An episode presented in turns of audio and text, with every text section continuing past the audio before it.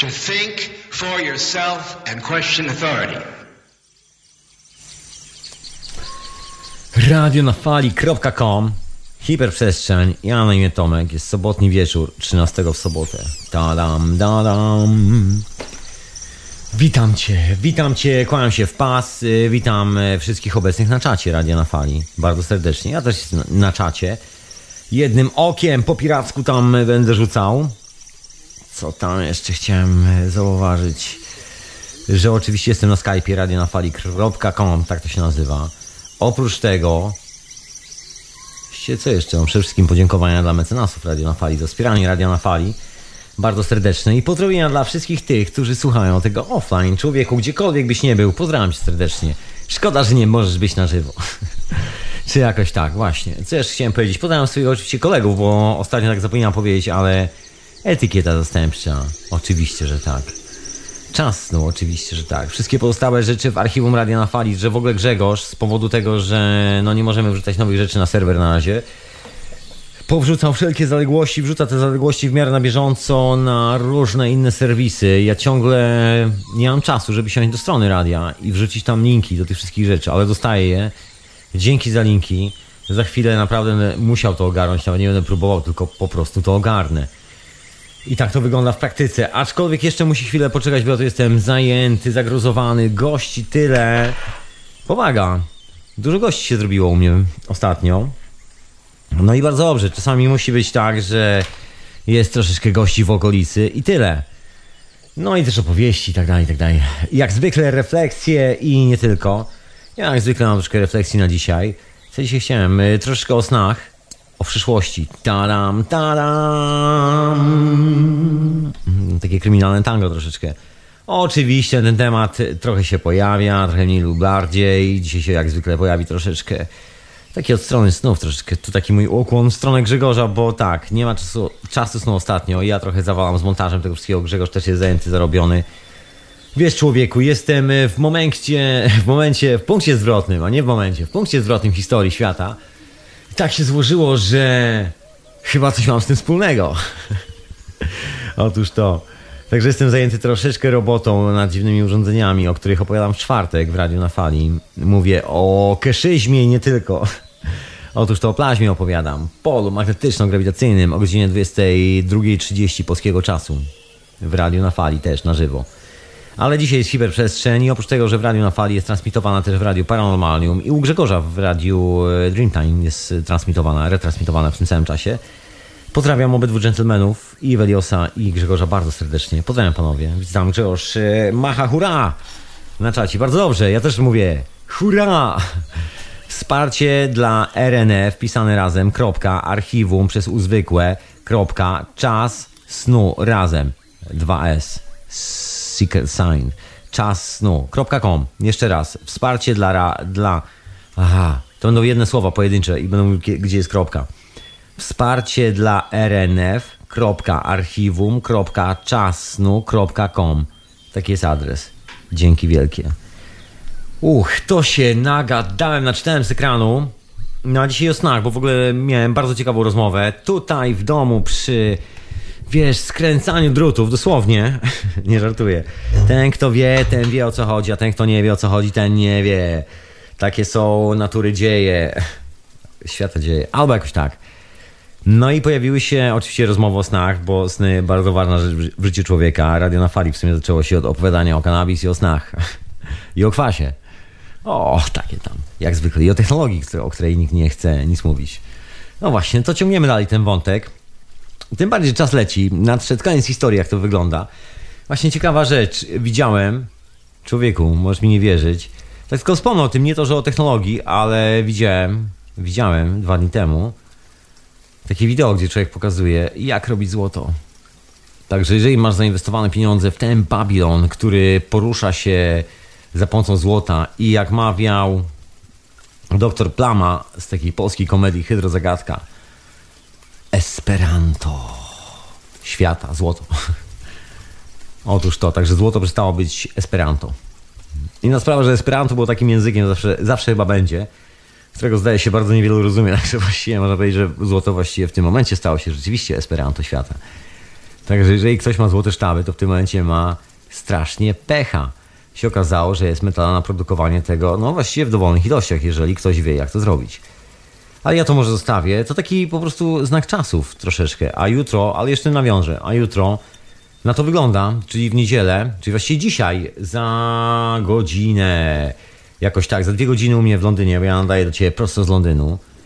Za dwie godziny zacznie się dzień, w którym ujrzy światło dzienne publikacja, która jest tak zwanym z angielskiego blueprintem, czyli planem budowy i konstrukcji, czyli jak sobie zbudować urządzenia, które jest generatorem, no, można powiedzieć kolokwialnie wolnej energii, ale nie chodzi tu o wolną energię, tylko jest generatorem pola grawitacyjno-magnetycznego i dzięki temu daje prąd elektryczny bez potrzeby wpinania się w gniazdko w prądzie, które jest podłączone z kolei do elektrowni. Także jak się okazuje, żyjemy w ciekawych czasach, można powiedzieć, że jesteśmy właściwie wolnymi ludźmi.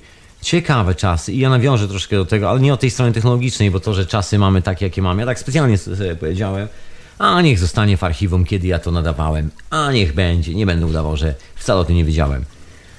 Bo dzisiaj chcę troszeczkę o snach, bo podczas rozmów, skręcania, opowiadania, picia herbat, kaw, e, palenia jointów, nie będę udawał, że jest inaczej. Ale nie wszyscy palą jointy, nie wszyscy. Naprawdę, koleżanko i kolego, nie wszyscy. Także wcale nie musisz palić jointów, to wcale nie jest mandatory, obligatory. Nie, nic z tych rzeczy. Zapomnij. Ale możesz. W, me, w mojej intencji, mojego zdrowia albo jakoś tak, zapraszam serdecznie. Ja dzisiaj się troszeczkę stuknąłem w nogę. Poważnie. Tak zbiegałem po schodach. Gość był. Gość był. No i jak zbiegałem po schodach, żeby gościowi otworzyć drzwi, to otworzyłem, a tak się lekko sztruknąłem w palec. Tak pomyślałem, a spoko. No i biegłem dalej, bo gość przyszedł, ja pobiegłem po jakąś herbatę czy kawę, czegoś tak. I wchodząc czy wychodząc, walnąłem się znowu w palec, ale w tym momencie było to oczywiście x razy większe. Zupełnie. No, co tu dużo mówić. E, takie dosyć brutalne uderzenie, aż palec aż prawie że czasnął. Także dzisiaj mam takie zderzenie z palcem. Szczęśliwie już schodzi, także nie jest absolutnie źle. Jest nawet całkiem nieźle. Szczęśliwie akurat noga nie boli, także wszystko jest tacy. Po prostu wygląda troszkę tak, no jak to zwykle, się człowiek grzmotnie w palec. Także takie rzeczy się dzisiaj działy, ale oprócz tego właśnie wrócę do tych wizyjnych spraw, bo troszkę tak z wizją. Za pierwszym razem wiedziałem, że coś będzie na tym zakręcie. No i z tej okazji, że wiedziałem, że będzie na tym zakręcie, to jakoś tak nie zwróciłem uwagi. No właśnie takie znaki. A znaki są jeszcze ciekawsze w snach. I to u wielu ludzi, szczególnie ostatnimi czasy. Ja sobie zbieram tak w swoje sny, tym bardziej, że ostatnio najczęściej śni mi się taka historia, która polega na tym, że co tu dużo mówić. Mijają trzy dni, ja coś robię, nie wiem, rozmawiam z kimś, wiesz, prowadzę swoje życie i nagle się okazuje, że widzę to samo, co śniło mi się trzy dni temu i dokładnie widzę tą samą sytuację. To już nie jest takie déjà vu klasyczne, że stoję w jakiejś sytuacji i nagle wow, już tutaj byłem, już to wszystko widziałem, wiem co to jest, wiem co zaraz ktoś powie, wiem co się wydarzy i faktycznie tak jest. I to jest to zjawisko déjà vu. Nie, nie, nic z tych rzeczy, to jest dosłownie sen. I powiem szczerze, czasami, pomimo, że nie zdarzyła się to w sumie tak zjawiskowo, w sensie od, nie wiem, od ostatnich paru dni, czy jakoś tak, to już taki, taki dłuższy proces, bym powiedział. Poza tym Zdarzało mi się tak w życiu już kilka razy wcześniej, no ale ostatnio, można powiedzieć, nieustannie taka historia. Coś mi się śni miało 2-3 dni i dokładnie się dzieje.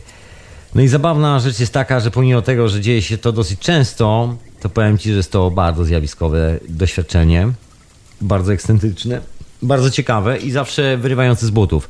Pomimo, że przywykłem troszeczkę, chociaż ciężko powiedzieć, że człowiek może przywyknąć do takiej sytuacji, chociaż Poniekąd tak, dzisiaj miałem taką sytuację. Wczoraj miałem taką sytuację. Są takie zabawne momenty. Właściwie wygląda to trochę tak, jakby każdy dzień mojego życia śnił mi się wcześniej.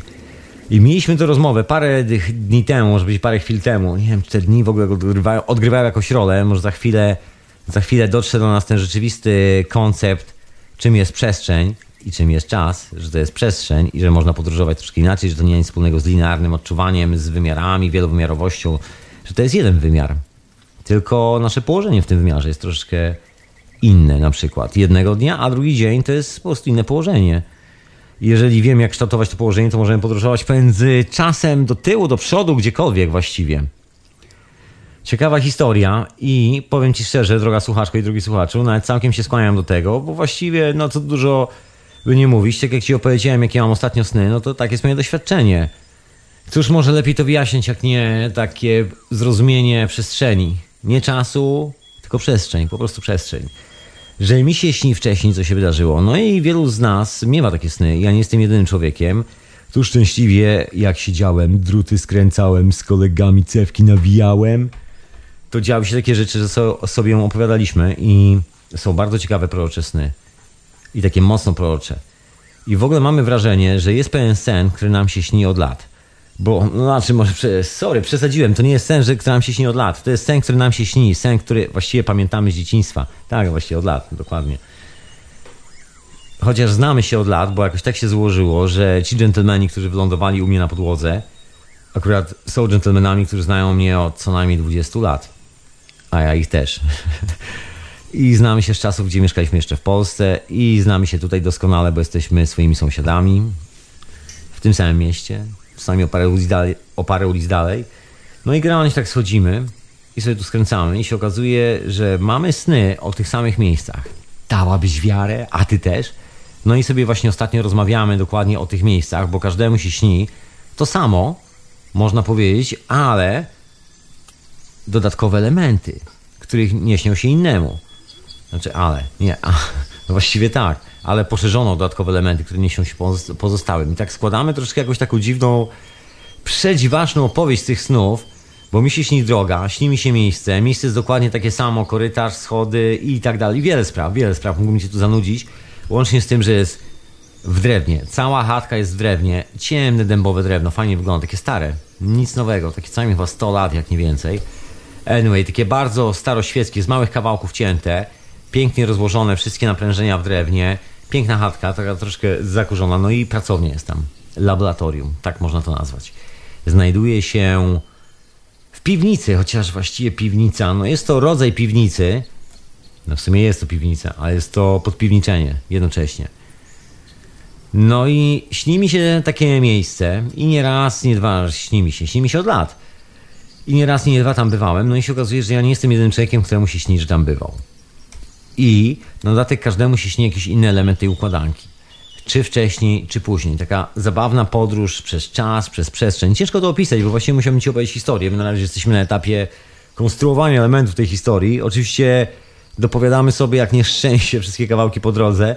Oczywiście, oczywiście wymyślamy część tej historii, ale wymyślamy na bazie rzeczywistych snów. Bo wymyślamy w postaci snucia przypuszczeń, czym są te sny no ja mam jeden taki sen, właściwie serię takich snów, która chodzi za mną od jakiegoś czasu, takich konkretnych snów. Chodzi o ich rzeczywistość, znaczy rzeczywistość, chodzi o to, że były tak rzeczywiste, że to właściwie nie były żadne sny. No właśnie.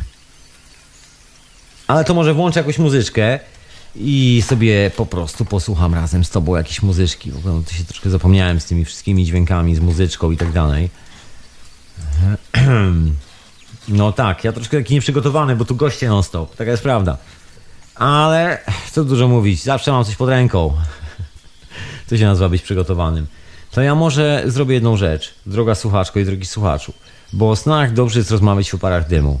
Ja to sobie spokojnie zapalę, coś sobie skręcę, a ty sobie też coś skręć i pogadamy o tych snach i o tych wizjach i o przyszłości. Bo to jest związane w ogóle z tym całym konceptem końca świata. Tak sobie myślę. Przynajmniej tak się jawi w mojej głowie taki główny koncept, który za tym kroczy, że każdemu z nas, zanim puszczę muzę, to ci powiem o co chodzi.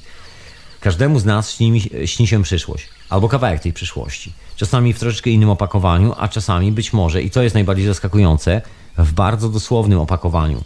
Ja jestem w szoku, że rzeczy, które śniły mi się parę lat temu, teraz się dzieją w moim życiu, że to jest to pomieszczenie, że to są ci ludzie, że to jest taka inna sytuacja, w takim, a innym kontekście.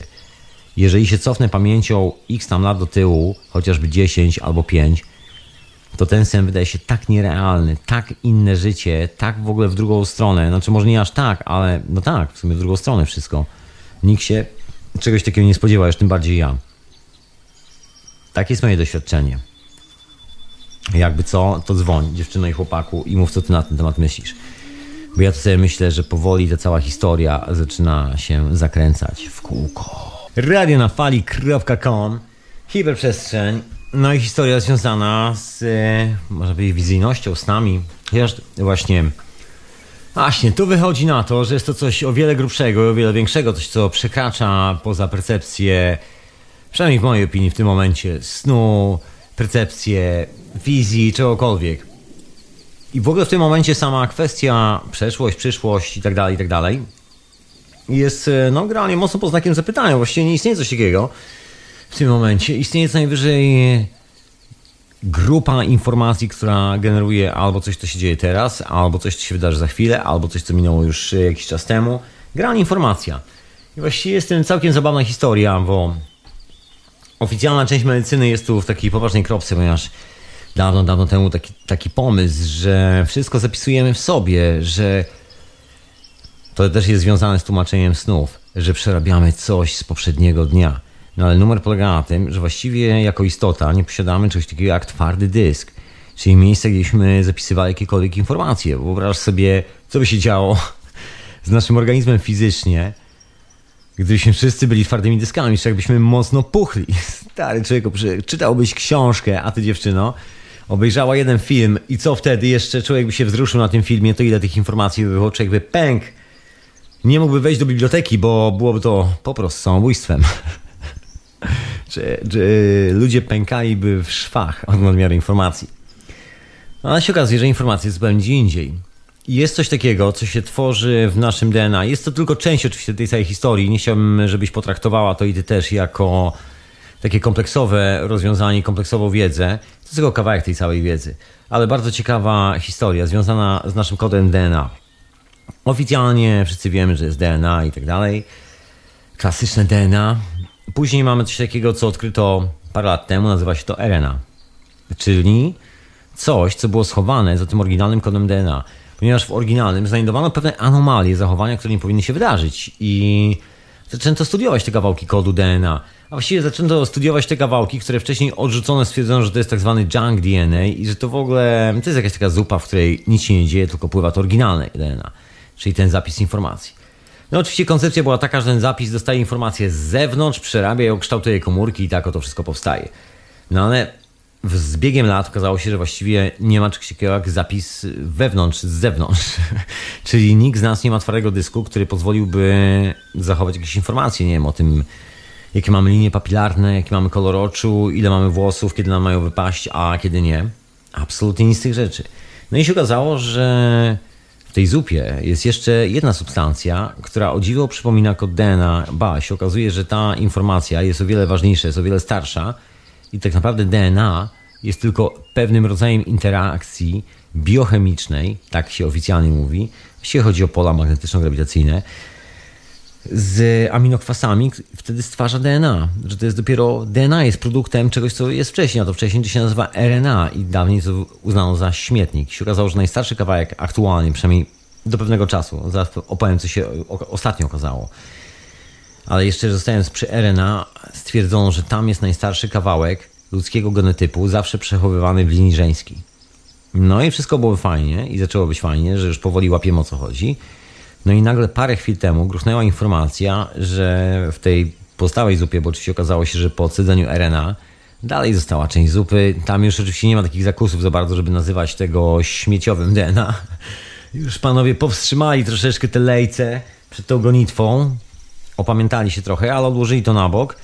No i też zaczęli to badać. się okazało, że tam jest jeszcze większe halo, bo tam znajduje się ślad czegoś, co prawdopodobnie kształtuje RNA. Czyli mamy RNA1, a teraz znaleźliśmy RNA2. Coś o wiele starszego, coś o wiele bardziej źródłowego, coś o wiele bardziej kompleksowego. I jak wynika z na razie z bardzo wczesnych badań, wszystkie interakcje na poziomie RNA, a później manifestujące się na poziomie DNA wynikają właśnie z tego, z tego pierwszego. No i teraz jest pytanie oczywiście, ile jest tych RNA do tyłu, bo jak na razie znaleźliśmy pierwsze, teraz mamy drugie, może się okazać, że jest trzecie. Ściwie nie wie nikt. Ciekawostka. No właśnie, ale wracając do tej informacji, ciągle wracamy do czegoś takiego, co ja sobie na swój własny użytek, nie musisz tego nazwać w ten sposób, ale to jest moja taka definicja, przyjmij mi ją na ten wieczór. nazywam takim fraktalnym polem informacyjnym. Mały fraktal informacji, trójkącik, trzy rogi, odpowiednia kombinacja, jeden dalej, trochę bliżej, albo wyżej, albo jakoś tak względem siebie. Tworzył zapis informacji, który bynajmniej nie jest zero-jedynkowy, jest taki bardzo kompleksowy. Jeżeli chciałbym to porównać do jakichś matematycznych przepisów, to właściwie ilość zer byłaby równa ilości kombinacji przesuwania tych punktów, tak żeby dalej tworzyły trójkąt, a żeby za każdym razem tworzyły inny trójkąt. Czyli właściwie ilość nieograniczona. Jeżeli złożysz jeszcze dwa trójkąty, to właściwie w ogóle nie ma limitów. Właściwie trzy trójkąty. Znaczy są jakieś tam, ale są limity już poza ludzką percepcją, także nas za bardzo nie dotyczą. Jest to pole fraktalne, czyli jeżeli się wbijesz ten pierwszy trójkąt, ten najmniejszy trójkącik, to jesteś już w tym polu informacji, bo ta informacja się zasuwa mniej więcej w ten sposób, w tym polu. No właśnie. No to teraz, jeżeli wszystko jest informacją, począwszy od naszego stworzenia, czyli RNA, DNA, bo myślę, że to chyba nikt nie będzie za bardzo specjalnie oponował, stamtąd bierze się coś, co później zawija tym polem dookoła tak, że powstają komórki, wyrastają palce, oczy wyrastają, nogi wyrastają, wiesz. Człowiek wyrasta. Bierze się z głowy, z DNA. No i tylko człowiek się tak ciekawie kształtuje. Po drodze jeszcze powstają w głowie kawałki magnetytu, ciekawego minerału, o właściwościach magnetycznych i najlepszy numer polega na tym, że oczywiście nie tylko w szyszynce jest ten magnetyt. Magnetyt jest rozsiany właściwie po całej naszej czaszce. W skrócie mówiąc, nasza kość, zwana czaszką, jest niczym innym jak anteną i odbiornikiem, i to takim magnetyczno-grawitacyjnym, konkretnie, bo znajduje się tam magnetyt, który ma właśnie działania grawitacyjne. Troszeczkę inne. Słowem jesteśmy ciekawą konstrukcją i ani grama twardego dysku w środku. I teraz wyobraź sobie, że kładziesz się spać, cokolwiek, wybierasz się na jakąkolwiek wycieczkę, mogą być substancje psychoaktywne, cokolwiek to jest, może być ayahuasca, może być changa, może być psylocybina, cokolwiek to jest. Ruszasz do innego wymiaru, w cudzysłowie. A być może w rzeczywistości ruszasz do jednego wymiaru, jest tylko jeden wymiar. Być może w rzeczywistości wychodzisz z miejsca, w którym być może istnieje wiele wymiarów, tylko dlatego, że Większość mieszkańców tego miejsca nie skumała jeszcze zasad i prawideł, które rządzą tym światem i non stop wymyśla coś w rodzaju, nie wiem, praw Newtona, jakiejś takiej historii. Tam próbuje się z tym poskładać, a drzewo dalej rośnie do góry. Dalej nie słucha Newtona, dalej rośnie do góry, tylko jabłka spadają na dół. A co z drzewem? No właśnie, jak ogarnąć ten temat? Co się dzieje z drzewem? Ale ja może na moment się wyłączę, włączę sobie jakąś radosną muzyczkę, żeby nie było, że tak dzisiaj gadam. Pozwam sobie troszeczkę muzyczki, troszeczkę skręciłem sobie coś do palenia, także ja to będę słuchał i puszczał jakąś chmurę w dobrej intencji, miłości i pokoju dla świata. I się tak zastanawiał troszeczkę nad tym, y, z czym my mamy do czynienia, kiedy mówimy o snach, o takich wizjach przyszłości. Właśnie, bo to nie tylko sny, tu jeszcze się zalicza jedna kategoria, której jestem wielkim miłośnikiem, nigdy mi się nie zdarzyło, nigdy się nie udało tego zrobić ze mną, ale niektórym się udało. Mianowicie chodzi o sesje regresyjne. No nigdy mi się nie udało. Chociaż można powiedzieć, że po ayahuasce miałem bardzo mocną sesję regresyjną całego swojego życia. Długiego. Anyway, to inna historia. Natomiast są ludzie, którzy mają takie doświadczenia związane z hipnozą, których ja specjalnie nie mam. Tu nie będę udawał, że jest zupełnie inaczej. Ale tak czy siak i one wpisują się w pewien kalendarz przyszłych zdarzeń. Być może, a być może nie. Nad tym się dzisiaj zastanawiam. A szumi radionafali.com, hiperprzestrzeń i ja na imię Tomek Człowieku. A ty możesz dzwonić na Skype'ie. Ja tu się troszkę dzisiaj lenię. Z różnymi datami nie wyciągam żadnych zwłok z szafy, chociaż być może powinienem wyciągnąć kilka zwłok. No anyway. Zostawię, bo dzisiaj taka bardziej refleksja, myślę, dotycząca każdego z nas, a mniej dotycząca zwłok z szafy. Bo zwłoki są już dawno w szafie. A my jesteśmy tu i teraz. I wszystkich nas dotyczy to zjawisko informacji. Czyli pierwszy wniosek, którego nie lubi bardzo oficjalna medycyna, bo właściwie oni twierdzą, że mają monopol na informacje w postaci produkcji substancji chemicznych, które stymulują nasz organizm do tego, tamtego, siamtego, owego, ale w rzeczywistości żadna z tych substancji nie potrafi zastymulować życia, wręcz odwrotnie, bardziej stymulują zejście niż e, powrót do tego świata. To chyba normalne. ale jest, e, jest taki święty graal troszeczkę, ale to bardziej związane z takim stanem umysłu, który twierdzi, że koniecznie trzeba podporządkować sobie zjawisko i nie polega to na obserwacji zjawiska, tylko polega to na panowaniu nad zjawiskiem. Czyli nieważne, czy to ryba, czy to małpa, ważne, co my chcemy, żeby to robiło. Dlatego uparci na siłę próbujemy wytresować ryby z kakaniu po gałęziach na drzewie, a małpy zrobić najlepszymi podwodnymi pływakami. Trochę tak czasami to wygląda, przynajmniej od strony medycyny chociażby. No od wielu stron, od strony energii, od strony w ogóle naszego konceptu na rzeczywistość. I myślę, że przede wszystkim naszego konceptu na czas. No inna sprawa, że jesteśmy mocno ograniczeni, to naprawdę mocno chodzi o naszą percepcję rzeczywistości, to czym się martwimy na co dzień, przynajmniej znakomita część z nas. Czy chcemy, czy nie, świat potrafi być brutalny i potrafi docisnąć. Czy tak się, że tak powiem, nam podoba, czy, czy się nie podoba. Kwestia na przykład chodzenia do pracy. Kwestia tego, że każda rzecz jest okupiona jakąś tam, y, nie wiem, aktywnością, która właściwie w ogóle nie służy nam, która nie wynika z, z naszej aktywności, się kompletnie nie wspiera czegoś takiego jak nasz wewnętrzny świat. Przynajmniej znakomitej większości. Okej, okay, część z nas absolutnie lubi swoją robotę. Sam należę do tych ludzi, którzy nigdy nie mieli z tym problemu i nawet pracując w biurach tego świata, nigdy nie miałem problemu z tym, żeby wstać i ruszyć do tego biura. Pomagam.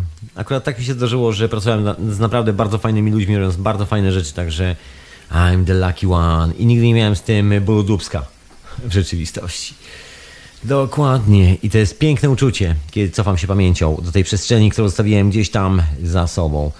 W każdym bądź razie, niektórzy z nas doskonale się z tym spełniają, doskonale sobie radzą, wszystko jest ok.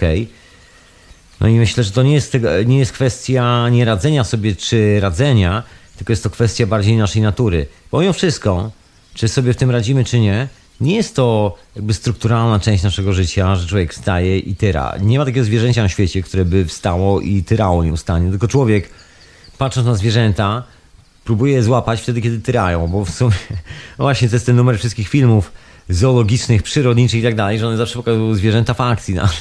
Słuchaj, jak ci pokazać życie zwierzęta, które generalnie spędza 20 dni, obijając się centralnie, śpiąc, leniuchując, wygrzewając się, wiesz, robiąc potomstwo, yy, siku i kupę i generalnie mając pełny relaks, to jak ty to oglądniesz?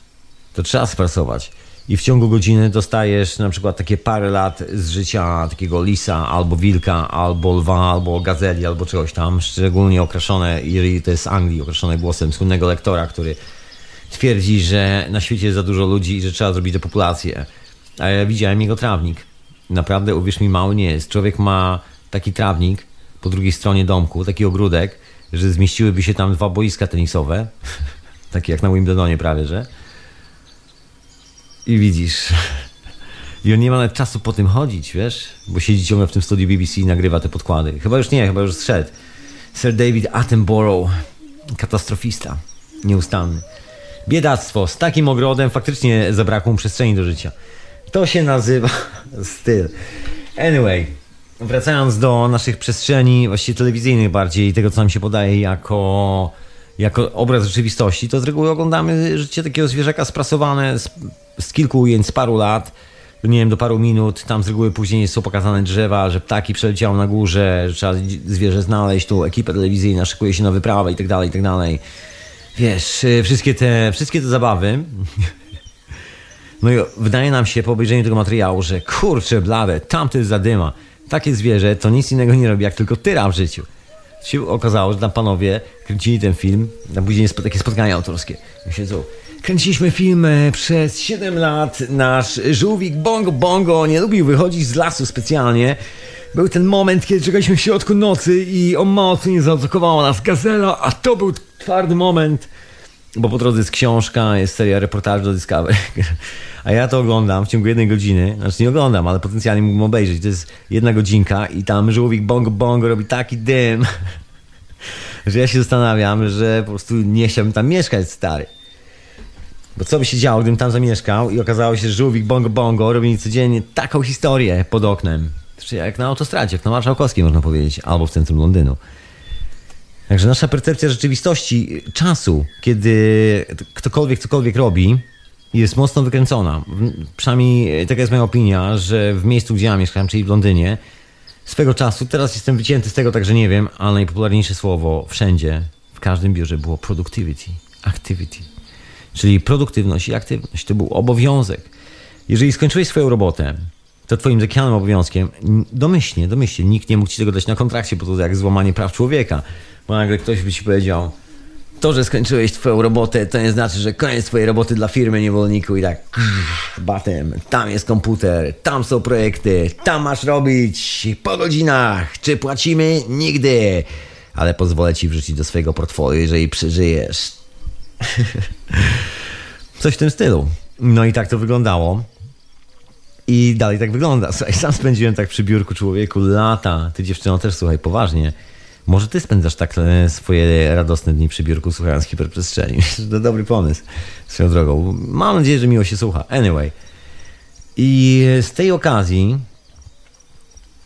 właśnie tak już tak się zamyśliłem o tych biurach troszeczkę o tym spędzaniu czasu. Och, tak mi się przypomniało troszeczkę, jak mocno okrojona jest rzeczywistość, kiedy funkcjonujesz w ten sposób, bo właściwie kiedy masz funkcjonować, kiedy masz załapać ten poranny sen, kiedy masz funkcjonować w ten sposób, że się nie ścigasz, kiedy te inne wartości w Twoim życiu grają główną rolę. No ciężko, bo oczywiście wiadomo, że przy pracy jest praca. Nie to, żebym chciał krytykować wszystkich pracujących, absolutnie nie chciałbym tutaj być brany za takiego krytykanta, absolutnie. Ja też coś robiłem w życiu, nie zapomnij o tym. Też spędziłem lata w ten sposób, wstając rano do biura. Niemniej, pomimo radości nad wstawania, jest bezsens tego zjawiska potem productivity activity, bo do, polega to na tym, że pracujesz ponad godziny tylko po to, żeby udowodnić sobie, że właściwie życie składa się z doskonale wykonanej pracy.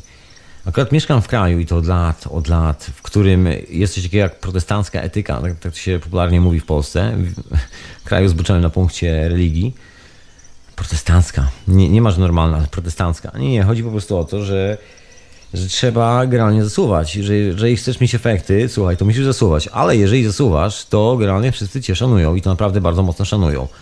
W rzeczywistości ludzie, którzy siedzą po godzinach w biurze, wcale nie lądują, że tak powiem, tak źle od tej strony materialnej. Jeżeli masz olej w głowie, robisz to, co należy zrobić w fajny sposób i wszystko jest ok, atmosfera nie jest naprawdę krzywa, to gwarantuję ci, że osiągniesz potężną karierę. Potężną karierę, nie będzie z tym problemu. Inna sprawa, że nie będzie życia prywatnego, bo właściwie wszystko wtedy jest podporządkowane pod pracę. I to nie ma żartów, łącznie z życiem prywatnym w weekendy. No, zdarza się. No ale na tym polega cena kariery. Bo często jest taka opinia o tym, że kariera to trzeba się wrodzić i tak dalej. To na pewno pomaga, słuchaj, jeżeli skończysz dobre uczelnie, jeżeli masz rodziców we właściwym miejscu z y, kupą kasy i tak dalej, i tak dalej to jasne, że bardzo pomaga, ale to naprawdę nie jest coś, co robi twoją karierę. Możesz po prostu zostać wsadzony gdzieś tam i tam siedzieć, przez całe życie się bujać i tyle z tego będzie. Natomiast kariera jest kariera. Otóż to, i do tego trzeba mieć cwany łeb. Nie, nie znaczy to, że no właśnie, że możesz być głupkiem. Absolutnie. Tam też nie ma idiotów, taka jest prawda. Ale koniec końców nie ma życia prywatnego, wszystko się kończy i nie ma miejsca na refleksję i tam przestrzeń jest dosyć mocno li limitowana, bo przestrzeń jest linearna. Cała percepcja całego naszego zachowania, załatwienia spraw przez x lat, przez praktycznie całą większą część doby jest ograniczona do percepcji linearnej. Od do, od do, od do. I czas jawi się jako coś takiego, co istnieje pod nazwą kalendarz, albo w telefonie, albo na biurku, albo gdzieś tam, albo w komputerze. Bardzo często. I to, czy chcemy, czy nie, wyciska troszeczkę taką piecząteczkę na mózgu. Czy chcemy, czy nie. Wyobraź sobie, że nie noszę od lat zegarka. Jeżeli masz z tym problem. Jeżeli nosisz zegarek, spróbuj sobie zdjąć zegarek na tydzień czasu albo na miesiąc. I nie chodź, nie chodź zegarkiem. Nie oglądaj się na godzinę. I tak w dzisiejszych czasach każdy ma telefon, każdy ma zegarek przy sobie. Jeżeli chodzisz z telefonem, to masz zegarek, także jeden problem z głowy. Oczywiście po telefon musisz sięgać, po zegarek nie. Aczkolwiek większość ludzi nosi telefony w ten sposób, że i tak cały czas oglądają ich ekran. Także jeżeli oglądasz cały czas ekran swojego telefonu, a masz zegarek, to zostaw zegarek i zobacz, co się będzie działo. To zmienia troszkę percepcję czasu. I to zdecydowanie. Ja myślę, że kawał tej cywilizacji, sposób w jaki jest poskładana, jest dokładnie tym krzywym pomysłem, który odciąga nas od tej percepcji, że czas jest tylko składową informacji. Że to jest takie pole informacji i my sobie wędrujemy po tym polu. Tak z powrotem nawiążę do samego początku, do tych snów i wizji. Przynajmniej w moim przypadku jest to taka mocna wyprawa w przyszłość.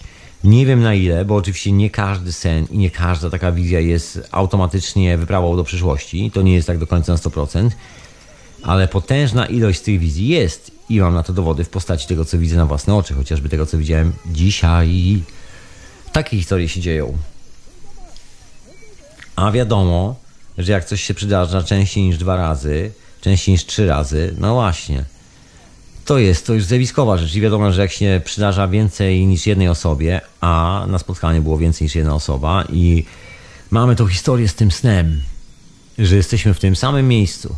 Jeszcze jest jedna osoba, która też jest związana z tym snem i też bywa w tym samym miejscu i tak sobie składamy to miejsce każdy ze swojego snu. Ciekawe puzzle, ciekawe. Dokładnie. Dokładnie, właśnie, a ty słuchasz hiperprzestrzeni w Radio na Fali. Ja na imię Tomek, telefon do radia to radionafali.com Na Skype oczywiście. To jest absolutnie live, sobotni wieczór. Ja tu dzisiaj o naturze przestrzeni, można powiedzieć, o snach, przyszłości, przyszłości. Właśnie, bo ja tu chciałem powiedzieć o jednej rzeczy związanej z informacją. To jest taka istotna sprawa i myślę, że odczuwalna przez wielu z nas. To jest ta granica weryfikowalności, bo do pewnego momentu każdy z nas potrafi opowiedzieć niesamowitą historię i to jest myślę normalne. Albo i nie, zależy jak to spojrzysz. Historię pod tytułem Jak bardzo oświecony jest i od czego zależy oświecenie, od czego zależy zrozumienie, od czego zależy cokolwiek. Problem e, z 99,999 opowieściami z tego gatunku polega na tym, że są to tylko i wyłącznie opowieści teoretyczne i co bardzo zabawne, często opowiadane przez teoretyków. I dla konkretnych teoretyków, którzy właściwie samym swoim życiem, tym jak funkcjonują, zaprzeczają temu, co piszą. Czyli można powiedzieć, że informacja nie spotyka się z wiedzą praktyczną. Doświadczeniem dokładnie. A tu mam Grzegorza. Halo, halo, panie Grzegorzu, halo, halo. Dobry wieczór. Dobry wieczór. Dobry wieczór. Jak zdrówko szanowemu panu? Ej, super, super, super. Doskonale. Miałem problemy ostatnio z uchem, ale sobie poradziłem takie dzięki technologii Kesha. A, ja tu mam coś dla pana, ale to pr- prywatnie. Zostawiamy, zostawiamy tutaj na boku, zostawiamy. Jasne, jasne. Bardzo fajny temat dzisiaj wybrali, właściwie mój koniec. No, te, tak się domyślam, że też y, nie szarp tylko za opakowanie telefonu, nie skrop po nim, połóż go, stój w miejscu, nie ruszaj się, mów do mikrofonu. Okej, okej, w pracy jestem, więc wiesz, jak jest. Rozumiem. Yy, słuchaj, no... Yy, przede wszystkim jedno pytanie, czy tylko mówisz o snach proroczych, czy jako ogólnie o snach dzisiaj? Słuchaj, o w ogóle, o w ogóle takim p- czasie, w sensie, wiesz, kładziesz się spać, wydaje ci się, że to sen, po chwili się okazuje, że to nie był sen, to było po prostu coś z przyszłości tak zwanej, czyli czym jest przyszłość, czym jest przeszłość, że to jest tylko przestrzeń, to jest informacja i teraz pytanie, co się Właśnie. nam śni w, w przyszłości? Słuchaj, co, co się tobie śni w takiej dalekiej przyszłości? Co podejrzewasz za taką, przypuśćmy, przyszłość za, nie wiem, świata za rok, dwa, trzy lata? W twoich, w twoich doświadczeniach sennych. Słuchaj, wiesz co, u mnie to jest w ogóle, wiesz, no, ja w ogóle zaczynałem, że tak powiem, od strony ezoterycznej, tak, tak, tak wiesz, te wszystkie śnienie swoje i tak dalej, natomiast, wiesz, czasem to się wszystko, wiesz, ewoluuje, prawda? Yy, dziś właściwie już nie podchodzę od strony ezoterycznej, tylko właśnie wykorzystuję już od ponad pół roku tą, tą technologię cache i powiem Ci szczerze, że tak jak tutaj nieraz wspominałeś, yy, również u mnie są te sny po prostu masakryczne, ale w tym sensie, że wiesz, um, tak realne, tak pozytywne, prawda? Dobra, to, to nie ma być audycja o technologii cache, ale teraz wszyscy słuchacze hiperprzestrzeni jasne, dowiedzieli jasne. się, że, że są z tym jeszcze związane potężne sny. Tak, to prawda, nie będę udawał, że jest inaczej. To prawda. Tego nie mówiłem Tak, chyba. tak. I wbrew pozorom jednak tego, co ty tam wiesz, yy, mówiłeś i ostrzegałeś, ale ja myślę, że to jest po prostu kwestia tego, ym, kto na co jest gotowy, prawda? Yy, To też, ale zostawmy technologię z boku, bo to wiesz, omijam technologię w sobotę, żeby, żeby samemu odpocząć troszeczkę, troszeczkę od Okej, tych drutów. dobra, to ja, ci, to ja powiem tak w skrócie. Według mnie, według mnie to całe OBE i, i Lucid Dreams ym, to jest właściwie, można porównać do takiego, wiesz, oceanu jakby, w której jesteśmy wszyscy rybami i powiedzmy, co któraś tam ryba w miarę swoich możliwości i wyszkolenia, pre, preferencji i tak dalej, wyskakuje ponad tę powierzchnię wody i po prostu ma spojrzenie na tą rzeczywistość, jakby tą prawdziwą rzeczywistość, prawda? Tak Rozumiem. według mnie Mhm. to wygląda, ale też również przychylam się do takiej, wiesz, jakby tezy tego hologramu, czyli właściwie y, gdzieś poza tą rzeczywistością jesteśmy kimś tym właściwym, prawdziwym, natomiast w tamtej rzeczywistości tworzymy po prostu te jakby takie swoje światy, prawda? Dlatego ja tutaj też jestem, wiesz, za tą wielowymiarowością i podróżami, podróżami pomiędzy Rozumiem. wymiarami, I, I to mi się sprawdza i bardzo dużo mam takich, wiesz, snów, yy, które mi to po prostu, że tak powiem, potwierdzają, prawda? Co do weryfikalności, bo coś tam mówiłeś wcześniej o weryfikalności. Tak, to prawda, tu jest właśnie ten problem. Wiesz, nie jest to taka zamierzona weryfikalność, że w sensie ja robię eksperyment i koniecznie muszę utrzymać takie, a nie inne wyniki. To jest taka rzecz, która się po prostu dzieje w życiu i to jest coś, co po prostu jest. Nie planujesz tego. Dokładnie. Ale tak czy inaczej, wiesz, no nie jesteś w stanie wszystkiego, wiesz, ym, że tak powiem, zweryfikować, no bo wiadomo, ym, nie da się wszystkich rzeczy badać rzeczami, które tutaj mamy w tej naszej rzeczywistości, czyli według tej naszej nauki. Natomiast wiesz, powiedzmy tak, zostawiłbym to wszystko ym, ym, w ocenie każdej osoby, bo tak naprawdę, jeżeli ty, dokładnie, jeżeli ty coś widzisz, y, jeżeli ty to coś widzisz i po prostu jesteś tego przekonany, no to, no to po co ci jakakolwiek inna weryfikacja, a tym bardziej, jeżeli powoduje to, że ty stajesz się tym lepszym człowiekiem. Otóż to, dokładnie. Znaczy chodzi mi o taką wewnętrzną weryfikację, że każdy z nas, tak jak mówisz, ma po prostu dokładnie własną. Otóż to. Nic więcej. Albo się zgadza, albo się nie zgadza, wiesz. Także wiesz, ym, to, że wiesz, no, wiesz, no nie każdy na przykład śni, prawda, wiesz, tutaj jest ten problem i ja bym na przykład na miejscu tych osób się zastanowił nad tobą, co w nich jest takiego, że oni nie śnią, bo jeżeli yy, nie śnisz, no to prawdopodobnie życie masz staratane i coś jest nie tak w tym twoim życiu. Ja powiedzmy, że po latach, kiedy wróciłem do tego śnienia, do tych, do zjawisk OB, lucid dreams, prawda, po prostu zupełnie inaczej dziś moje życie wygląda niż jeszcze parę lat temu, a też byłem i krawaciarzem i też, wiesz, jakiś tam biznes prowadziłem kiedyś. Powiem Ci szczerze, że tamto życie było dla mnie takie trochę, jak teraz z tej perspektywy patrzę, po prostu nudne. Nudne. Jedna wielka monotonia, jedna, jedno i to samo i tak To, dalej. to był ten tak naprawdę- sen. To był ten sen. Tak, dzięki snom po prostu, że tak powiem, unormalizowałem swoją psychikę i po prostu czuję się naprawdę rewelacyjnie, stosuję te sny tak samo, wiesz, do samo, samoleczenia. Tutaj też bardzo to poleca, polecam, bo, bo naprawdę każdy ma te zdolności. To nie ma to, że ten, tylko po prostu trzeba to uaktywnić yy, i po prostu, wiesz, robić, no nie? Co ja tu mam pewną koncepcję, którą dzisiaj opowiem, czym... y, Ja ciągle się na tym snem, wiesz, zastanawiam, miałem ostatnio taką nową koncepcję właśnie na ten temat. Podobno do twojej, aczkolwiek, aczkolwiek zupełnie nie z punktu widzenia ryby. Już nie, już nie. O, a, no słuchaj, no wiesz, no Ale, ale z, z, słuchaj, im więcej koncepcji, tym lepiej. Ja to uważam, że nikt nie ma racji, ale jak zbierzemy to wszystko do kupy, to będziemy widzieli wszystko.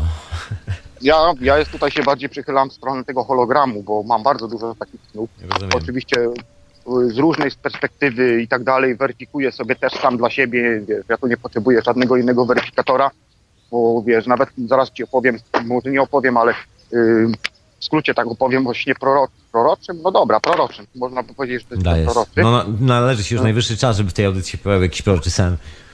Słuchaj, tylko to będzie taki trochę seksi, seksistowski, ale, mm, ale pominę tam Uff, pewne trudno, nie? trudno. Powiedz to Y, najmniej słuchaj. seksistowsko. Okej, będąc na urlopie, słuchaj, no dobra, będąc na urlopie, ym, zaprosiłem znajomych, żeby przyjechali do mnie, parę dni tam ze mną posiedzieli, ryb- tam pochodzili, pojeździli i tak dalej, i tak dalej. Yy, kolega przyjechał z koleżanką. Przyjechaliśmy wieczorem, położyliśmy się spać. Ja w nocy, aha, jeszcze wcześniej zanim położyliśmy się spać, to tak wyszliśmy na taki krótki spacerek, tam kolega przestawił. W sumie to już koleżanka wiedziała, co, co nieco, że ja się tymi snami zajmuję i tak dalej. Y, Siedliśmy sobie na takiej jakby w jeziorze, na takiej promenadzie, ciemno, opowiadałem tam różne sny i tak dalej, ta słuchała i tak dalej, nie? Poszliśmy spać. Rano mam obę. Wychodzę z pokoju.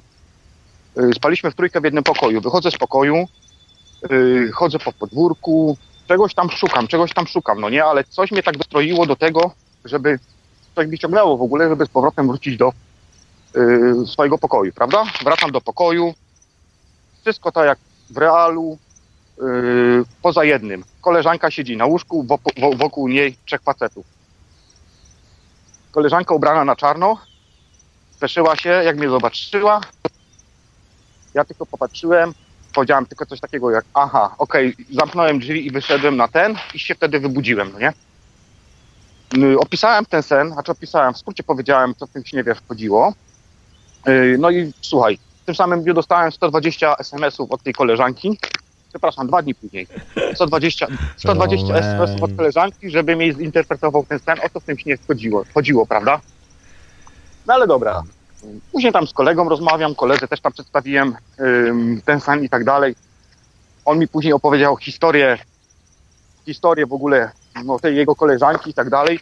I to, co dostałem w śnie, nie znając wcześniej w ogóle żadnych faktów, prawda? Yy, Okazało się prawdą! Dokładnie. Okazało się Tadam! okazało się dokładnie prawdą yy, z perspektywy mojego kolegi, który mi to wszystko już później opowiedział, jak to tam u niej to wszystko wygląda, prawda? No dobra, Więc- pomijamy więcej detali, bo To już był- robi to się był- gorąco. Dokładnie, dokładnie. To był Słuchaj, tylko, wiesz, ciekawe, jeden ze ciekawe. jeden ze snów. Ale wiesz, tak samo, wiesz, i różne naprawdę, to sny są to po prostu, to jest po prostu, mnie to tak fascynuje, że po prostu tam dużo rzeczy możesz otrzymać odpowiedzi, prawda? No dokładnie. Ale do tego zaraz, zaraz wrócę właśnie do tych odpowiedzi. Ja do tego wrócę. To jeszcze wątek przed nami. się, prześpi problem i się sam rozwiąże. Dobra, wiesz to ja zadzwonię później na wieczorową porę, bo to tylko tak chciałem, wiesz, taką lekką tutaj wstawkę wrzucić, a później sobie tak już może trochę luźniej porozmawiamy. Dobra, dzięki za telefon, Dzięki. trzymaj się. Dziękuję, trzymaj się, hej. No właśnie, to był Grzegorz i proroczy sen. Mówiliśmy o proroczym śnie, o proroczych snach, wizjach, no i jest taki to w skali takiej eleganckiej, takiej makro, że uuu. Dokładnie, Foxy Lady, można powiedzieć, niczym Jimi Hendrix. Właśnie, ale ja wspomnę, bo ja mam dzisiaj tutaj do wyrzucenia taki ciekawy koncept, o którym czasami gdzieś tam wspominałem dawno temu w hiperprzestrzeniach, tak zawsze po kawałku, nigdy w całości. Ale koncept jest związany właśnie z tym, y, czym jest sen. Jest to oczywiście jeden z wielu pomysłów na to, czym jest sen. Jest to mój pomysł na to zjawisko, także nie musisz się z nim kompletnie identyfikować. Także spokojnie, wywal sobie nogi na biurko, weź sobie kawkę do ręki i posłuchaj, o czym jest mowa. Ja tu nawrócę troszeczkę do aborygenów, ponieważ u aborygenów jest coś takiego jak Dreamtime i generalnie wszystko jest jedną wielką krainą. A to jest tylko część tej krainy, ten świat. I wrócę do tej weryfikacji, ponieważ cała ta historia z tym, y, jaki jest sens życia i tak dalej, i tak dalej, i tak dalej. Wszystkie te odpowiedzi na te bardzo poważne, egzystencjalne pytania, moim zdaniem wiążą się z jeszcze jedną rzeczą. Wiążą się wręcz z doskonałym interfejsem obsługi tej rzeczywistości. I tak długo, jak teoria, która za tym stoi, nie pozwala zrozumieć praktyki do obsługi rzeczywistości jako takiej w wymiarze materii, tak długo czegoś tu brakuje, tak długo coś tu nie działa, tak długo może być to ściema, tak długo może być to specjalnie wykręcona kiedyś tam, dawno temu, w dawnych czasach teoria, żeby nikt nie wpadł na pomysł, jak łączyć te wszystkie interakcje i jak tu nagle zrozumieć świat od zupełnie innej strony. Moim zdaniem jest taka druga strona, i to jest ta właściwa strona. No ale to, tak jak powiedziałem, jest moje indywidualne podejście do całej tej historii. I o tym Ci opowiem za chwilę, o tym jednym wymiarze w czasie, przestrzeni, przeszłości, przyszłości. Jeden wymiar. Nie ma poziomów, nie ma wymiarów, jest tylko jeden wymiar. A ty słuchasz e, hiperprzestrzeni w Radio na Fali i czas najwyższy, żebym Ci powiedział o tej koncepcji jednego wymiaru. No więc e, cała historia polega na tym, że to jest tylko i wyłącznie nasza percepcja. Na tym się zasadza cały koncept, że właściwie jako istoty jesteśmy ciągle ci sami, wszędzie, w każdym kawałku kosmosu jesteś tą samą istotą. Może inaczej się nazywasz, może inaczej wyglądasz, może cokolwiek. W każdym razie, jeżeli chodzi o świadomość, to, że jesteś, jesteś tym, kim jesteś, pamiętasz rzeczy, które robiłaś albo robiłeś i tak dalej, i tak dalej. Cokolwiek by się nie działo, masz tą informację ze sobą w pewien magiczny sposób. Tworzysz pole informacji, z którym wędrujesz dookoła. I teraz numer z tą weryfikalnością polega na, na zbudowaniu sobie pola informacji, znaczy pola informacji, ja mówię, warunków, żeby to pole informacji sobie przetrwało razem z tobą w dowolnym miejscu, gdziekolwiek sobie chcesz zawędrować, czy w kosmos, czy gdziekolwiek indziej. Na tym polega cały numer. Niektórzy alchemicy potrafili robić bardzo ciekawe sztuczki. Alchemicy, no właśnie. Był taki moment w historii, gdzie zastanawiano się, czy przypadkiem nie nazwać tych dżentelmenów naukowcami. Był jeden taki dżentelmen, który robił karierę na salonach i w Londynie, i w Anglii, no w sensie w Londynie, w Anglii, i w Paryżu, we Francji. Znany doskonale Marie Curie Skłodowski. Kurczę, miało nie być zwłok w szafie, to ja nawet nie będę mówił, ale był taki gentleman. Kiedyś opowiem o nim konkretnie jakąś większą historię, bo naprawdę je- jest, jest on tego wart. Jak nic. I cała ta historia jest tego warta. A tak tylko wspomnę, y, fenomen z tym gentlemanem polegał na tym, że lata unosił się w powietrzu. I przechodził przez y, szyby, przez ściany. Robił dziwne rzeczy. Razem w swoim e, kubraku. Nie robił tego nago, absolutnie. Nagle podlatywał na wysokość dwóch metrów albo metra. Były takie historie. W każdym razie, żeby było zabawniej, Marie Curie Skłodowska wraz ze swoim mężem zajmowali się badaniem fenomenu tego dżentelmena i sprawdzaniem, czy aby nie jest to, jak to się w dzisiejszych czasach z angielskiego mówi, hoax, czyli nie jest to żadna ściema. Czy chcesz to wierzyć, czy nie, małżeństwo państwa Curie Skłodowskich nie znalazło nigdy ani jednej wątpliwości, ani jednego dowodu na to, żeby, żeby w ogóle móc powiedzieć, że jest to fałszerstwo. Wszystko wydawało się rzeczywiste. Absolutnie rzeczywiste. I takie rzeczy się działy, i to był moment historii, gdzie właściwie twierdzono, że cóż, jest to część prawdopodobnie nauki i że trzeba to badać. I badano jeszcze w tamtych czasach. I na sprawę, że wtedy chyba było więcej takich dżentelmenów. Albo, albo może po prostu zostały zapiski. Dzisiaj, nie wiem, może gdzieś znikają. Może stają komercyjnymi magikami. I to jest historia z czasów, gdzie wierzono, tak samo jak Marii Curie Skłodowska i wielu innych ludzi w tamtych czasach, w coś takiego jak jeden wymiar. Że tworzymy coś takiego jak pole dookoła siebie. Rysunki tego gentlemana jasno zawsze prze, przedstawiały łunę dookoła niego. On w ogóle dawał komercyjne pokazy z tym, ale ja może zostawię tego gentlemana, bo osobna historia. Takich historii było parę zresztą w Europie i nie tylko w Europie, bo i w Stanach. Kilku zjawiskowych dżentelmenów, którzy potrafili na pokazach pokazać coś, czego żaden człowiek jeszcze nie widział i nikt nie złapał ich na tym, żeby to była jakaś sztuczka magiczna. Wszystko wygląda na to, było po prostu, działo się naprawdę. Nie było tam żadnego oszustwa. Po prostu tak się działo. I ten człowiek potrafił to zrobić. No i w dzisiejszych czasach dawno to już zniknęło i zamieniło się troszkę w coś takiego, że mm, właściwie zostały tylko teorie i zostało bardzo wiele różnych szkół. Często jest to związane z naszą psychę, z tym jak się czujemy w głowie. Są to na przykład szkoły, warsztaty i tak dalej. Wszystkie te historie, nie chcę tu wnikać, związane z uczeniem nas tego, jak mamy się czuć lepiej ze samymi sobą. To jest troszkę taką trefną sprawą, bo okazuje się, że jeszcze 100 lat temu był taki kawałek wiedzy, który mówił o tym, że właściwie nie, nie za bardzo jest opcja, żeby ktokolwiek kogoś czego nauczył, że to jest kwestia informacji, kwestia pola, kwestia doświadczania. W tamtejszych publikacjach naukowych jasne jest opisywane to jako doświadczenie. Doświadczenie bierze się z doświadczenia. Niekoniecznie bierze się z analizy. Słowo analiza to zupełnie inna historia. Analiza to jest rozbieranie na pierwiastki, na czynniki pierwsze, analizowanie. Natomiast, no właśnie, pierwsze słowo oznacza coś zupełnie innego.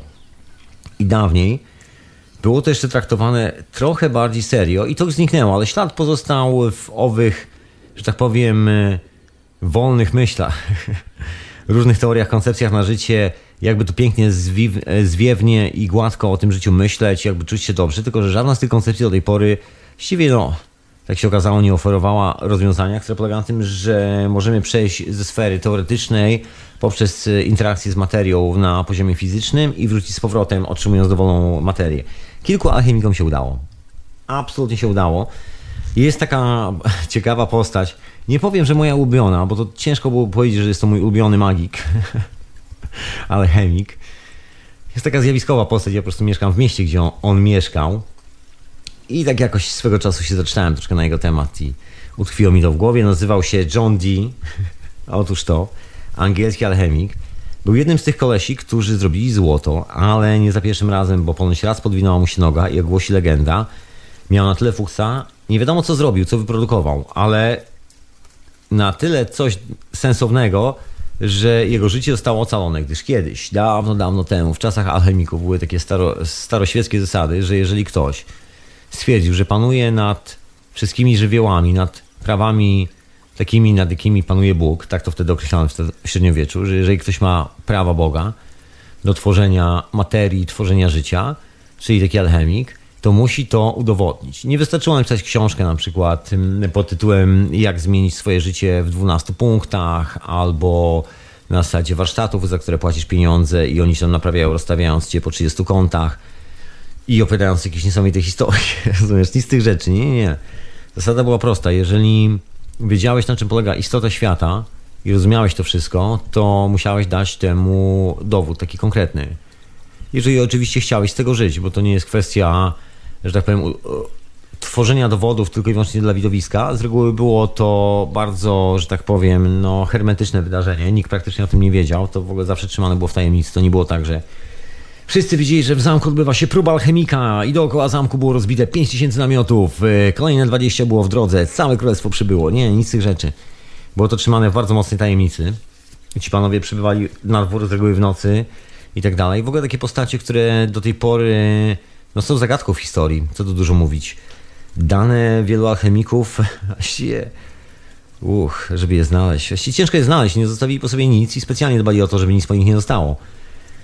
I kilku takich dżentelmenów, w tym John Dee, zrobił taką próbę. I próba prawdopodobnie nie wyszła, bo stracił jedno ucho. A była to kara za nieudaną próbę, gdyż nie posłuchał, co miał wyprodukować i wyprodukował coś, co być może też miało dużą wartość i też zachwyciło króla, ale nie było dokładnie tym samym. No i oczywiście cała ta próba, cała ta weryfikacja, bo tak mówię o tym ociętym uchu, ale to taki lajtowy przypadek, polegała na tym, że alchemik ryzykował zawsze własnym życiem. Za całość przedsięwzięcia, za cały projekt. Zamykano go w celi, ważono, rozbierano do rosołu, poważnie ważono kolesia, sprawdzano. Wszyscy pozostali alchemicy go sprawdzali. Nie było opcji, żebyś cokolwiek wniosła i żebyś ty cokolwiek wniósł do, do, do celi w zamku. No i wpuszczano cię do celi i robiłeś nagiego i robiłeś listę rzeczy, których potrzebowałeś, albo ty potrzebowałaś. Następnie dostarczano wszystkie ci rzeczy bardzo szybko i właściwie nie było kwestii z czasem. Znaczy był taki deadline, że właściwie miałeś to zrobić, ale nie aż taki, żeby nie było 3, 4, 5 lat czasami. Czasami trochę krócej. Zależało od twojej deklaracji. Ty mówiłeś, ile ci to zajmie i król albo zgadzał się na to, albo nie. Albo jakoś tak, albo książę, albo ktoś, kto miał wystarczająco dużo kasy, żeby móc taką imprezę zrobić i komu na tym zależało. Bo oczywiście za tym stał eliksir nieśmiertelności, za tym stał eliksir wiecznego zdrowia i tak dalej, i tak dalej. Wiadomo, że jeżeli zrobisz taką historię, że zamienisz ołów złoto, to potrafisz zamieniać praktycznie wszystko. Bo to jest klucz do wszystkich innych interakcji. Czyli jeżeli masz tą wiedzę, to masz wiedzę na temat stworzenia całego świata i w tym momencie królestwo nigdy nie zginie. Także byłeś cennym zawodnikiem na dworze. I numer polegał na tym, że jeżeli ci się nie udało, to żeby wszelkie dowody tej całej historii zakopać pod ziemię, bo nie było prawa, żeby ktokolwiek z pospólstwa, ktokolwiek się dowiedział, że jest taka opcja, że to nie jest na zasadzie, że ona nie istnieje, tylko że ona istnieje. Najmożniejsi tego świata tej opcji wiedzą, tylko pospólstwo ma ładowany i sprzedawany obrazek Boga Wszechmogącego, który robi cuda. Natomiast Niektórzy królowie widzieli, że nie są to żadne cuda, że są ludzie, którzy te cuda robią na zamówienie i że jest to wiedza. Ale żaden z tych ludzi niestety nie mógł się zbyt często przedstawiać własnym imieniem i nazwiskiem, było ryzyko, że zostanie zabity, no i wiele innych rzeczy, zresztą y, duża konkurencja, produkcja złota, och, ryzykowny biznes, zawsze ktoś, ktoś mógł cię najechać, komuś się mogło nie spodobać. I tak dalej, i tak dalej. Niemniej alchemicy akurat od tej strony mieli jedną rzecz zagwarantowaną, że jeżeli potrafili zrobić coś takiego, to byli praktycznie nie do ruszenia. Absolutnie nie do ruszenia. I alchemicy zajmowali się też podróżowaniem, jak się teraz mówi, do, do czasów przeszłych, do czasów przyszłych. Mieli różne wizje, przynosili te wizje, doradzali często królestwu. Tak się działo w Anglii. John Dee doradzał królowej Anglii, co ma wykonywać, aby utrzymać się na tronie. No i panna się tak utrzymała na tronie, że stworzyła potężne imperium brytyjskie. Naprawdę potężne. I to był ten koleś. I stracił jedno ucho. Właśnie, bo ja tak kluczę dookoła. A karą za oczywiście nieudaną próbę było ścięcie głowy i takie szybciutkie. Rachciach, ciach, dżentelmen znikał. W ogóle nie było śladu po dżentelmenie. I tak się kończyła nieudana próba produkcji złota. Nie było innej opcji. Było zbyt ryzykowne i dlatego kto tą próbę finansuje i dlatego kto tą próbę robi. I dla wszystkich, którzy wiedzieli o tym. Także wiadomo, że ktoś musiał zniknąć. A najlepiej jak zniknie ten, który tą próbę robi, bo wtedy sprawa znika. Także albo ci się udało, albo twoja głowa i nogi wychodziły z celi osobnych workach. No może w jednym, ale na pewno w osobnych kawałkach. W każdym razie John Dee należał do tych ludzi, którym się pierwsza próba prawdopodobnie, jak mówi legenda, nie udała, ale udało mi się coś innego wyprodukować, dlatego obcięto mu tylko jedno ucho. Do końca życia nosił perukę i specjalne czapki, żeby mu zakrywało to obcięte ucho. Ale druga próba prawdopodobnie mu się udała, bo został takim bardzo głośnym doradcą królowej brytyjskiej i takim bardzo wpływowym gentlemanem. Miał bardzo ciekawych, można powiedzieć w cudzysłowie, uczni. To był Francis Bacon i gentleman, którego wszyscy znamy pod imieniem i nazwiskiem William Shakespeare. I to byli panowie związani bardzo mocno z powstaniem masonerii w ogóle w tej części świata, z powstaniem tego tajemniczego stowarzyszenia, które miało trzymać na czymś łapę. Mają jakąś wiedzę, coś tam mieli, ale się chowają i tam, że niby sterują światem za kulis, no bo faktycznie próbują jak tylko mogą. No jest to związane też z początkami języka angielskiego. Tu jest w ogóle ciekawa sprawa z Williamem Shakespeare'em, o czym wspominałem już dawno temu, że jest coś jak kod e, e, Bacona i się okazuje, że pierwsze wydania Shakespeare'a, oryginalne jeszcze te za czasów Williama Shakespeare'a, są właśnie no wręcz wydrukowane tym specjalnym kodem i ten kod tworzy troszkę inny aspekt tej całej historii, bo tam są troszkę inaczej poskładane zdania i te zdania znaczą kilka rzeczy i wysyłają nas na Wyspę Dębów, gdzie jest bardzo ciekawy skarb, ukryty, schowany, którego już szukają chyba od 100 lat, albo chyba od 300 lat i dalej nie mogą go znaleźć.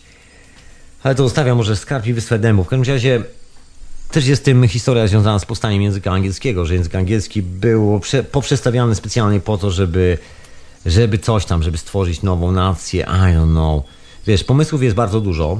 Wiadomo, że nowy język służył do stanowienia prawa, stanowienia legislatury. Wcześniej był rzymski, to wiadomo, że jak masz swój własny język, który operuje w troszkę większym stopniu, jest bardziej, że tak powiem, flexible, czyli elastyczny, no to możesz sobie pozwolić na drukowanie większej ilości papieru i historia, przynajmniej część historii, którą wyprodukujesz w, w swoich drukarniach, będzie propagandą, która będzie pracowała na, twój, e, na twoją korzyść. I tak też było z Królestwem Brytyjskim. I kolesiem, który stał troszkę za tym wszystkim, był John Dee, który w ogóle używał bardzo ciekawych rzeczy. I ponoć, tak jak, tak jak wspominałem, był jednym z tych kolesi, którzy potrafili zamienić teorię w praktykę oraz praktykę w teorię i w drugą stronę. Dlatego cieszył się takim powodzeniem, był takim cichym doradcą królowej brytyjskiej. Alchemik. Zresztą nie mieszkał tylko tam, bo włóczył się przez Europę czasy wojny 30-letniej w Europie, czasy wojny Watykanu z księciami, wol, wolnymi księstwami w Niemczech, jeszcze wtedy częściowo słowiańskimi. No ale jak się okazało, bracia Słowianie mieli podpisaną umowę z jezuitami i, że tak powiem, weszli z drugiej strony na plecy. Także wiadomo, że wojna 30-letnia się słabo skończyła. Dla tych, którzy chcieli się odciąć troszkę od Watykanu, na ci, którzy chcieli się odciąć od Watykanu, ja, ja pominę po prostu nazwy wszystkich króli i książąt, którzy tam walczyli, ale jeden z nich miał taką cenną bibliotekę. To, to są czasy, uch, kiedy było takie bardzo ciekawe księstwo. Istniało księstwo o nazwie Bohemia i to były Czechy. Potężna biblioteka prac alchemicznych, potężna biblioteka tłumaczeń z, arabs, z arabskiego, starożytnych ksiąg. Właściwie nikt nie wie, co tam do końca było. Na pewno i ty, i ja, i milion ludzi na świecie doskonale wie, co to jest y, mapa admirała Piriusa greckiego, co ja mówię, tureckiego admirała. Mapa sprzed odkrycia Ameryki, chyba dobre 100 lat i na mapie jest nie, nieźle odkryta Ameryka. Znamienita sprawa, wszyscy o tym doskonale wiedzą i wszyscy, myślę, śledzący losy tej mapy doskonale wiedzą, że tam są na boku zapiski, które mówią o tym, że jest tylko część część większej, dużej mapy całego świata i to jest w ogóle zbiór ze starych map i tak dalej, i tak dalej. Także nie jest to nic nowego robionego specjalnie dla admirała, tylko jest to jakiś starość. Zresztą tam jest ta historia związana z linią brzegową, która jasno i wyraźnie wskazuje na to, że mapa była stworzona 12 tysięcy, 8 tysięcy lat do tyłu, bo linia brzegowa wyglądała wtedy inaczej. Poziom wysokości wody w oceanach zmienia linię brzegową. I to właśnie o te kawałki. No i oczywiście tu jak zwykle dużo podejrzeń, ale wiemy, że informacja krążyła, że była informacja. I wracając do tego jednego wymiaru, to jest taka alchemiczna historia z tym jednym wymiarem, która mówi o tym, że właściwie żyjemy w jednym wymiarze, nie przekraczamy wielu wymiarów. Nie jest tak, że jesteśmy trochę jak ryba, która wychyla głowę, tylko właściwie jesteśmy, ani nie jesteśmy rybą, ani nie jesteśmy małpą.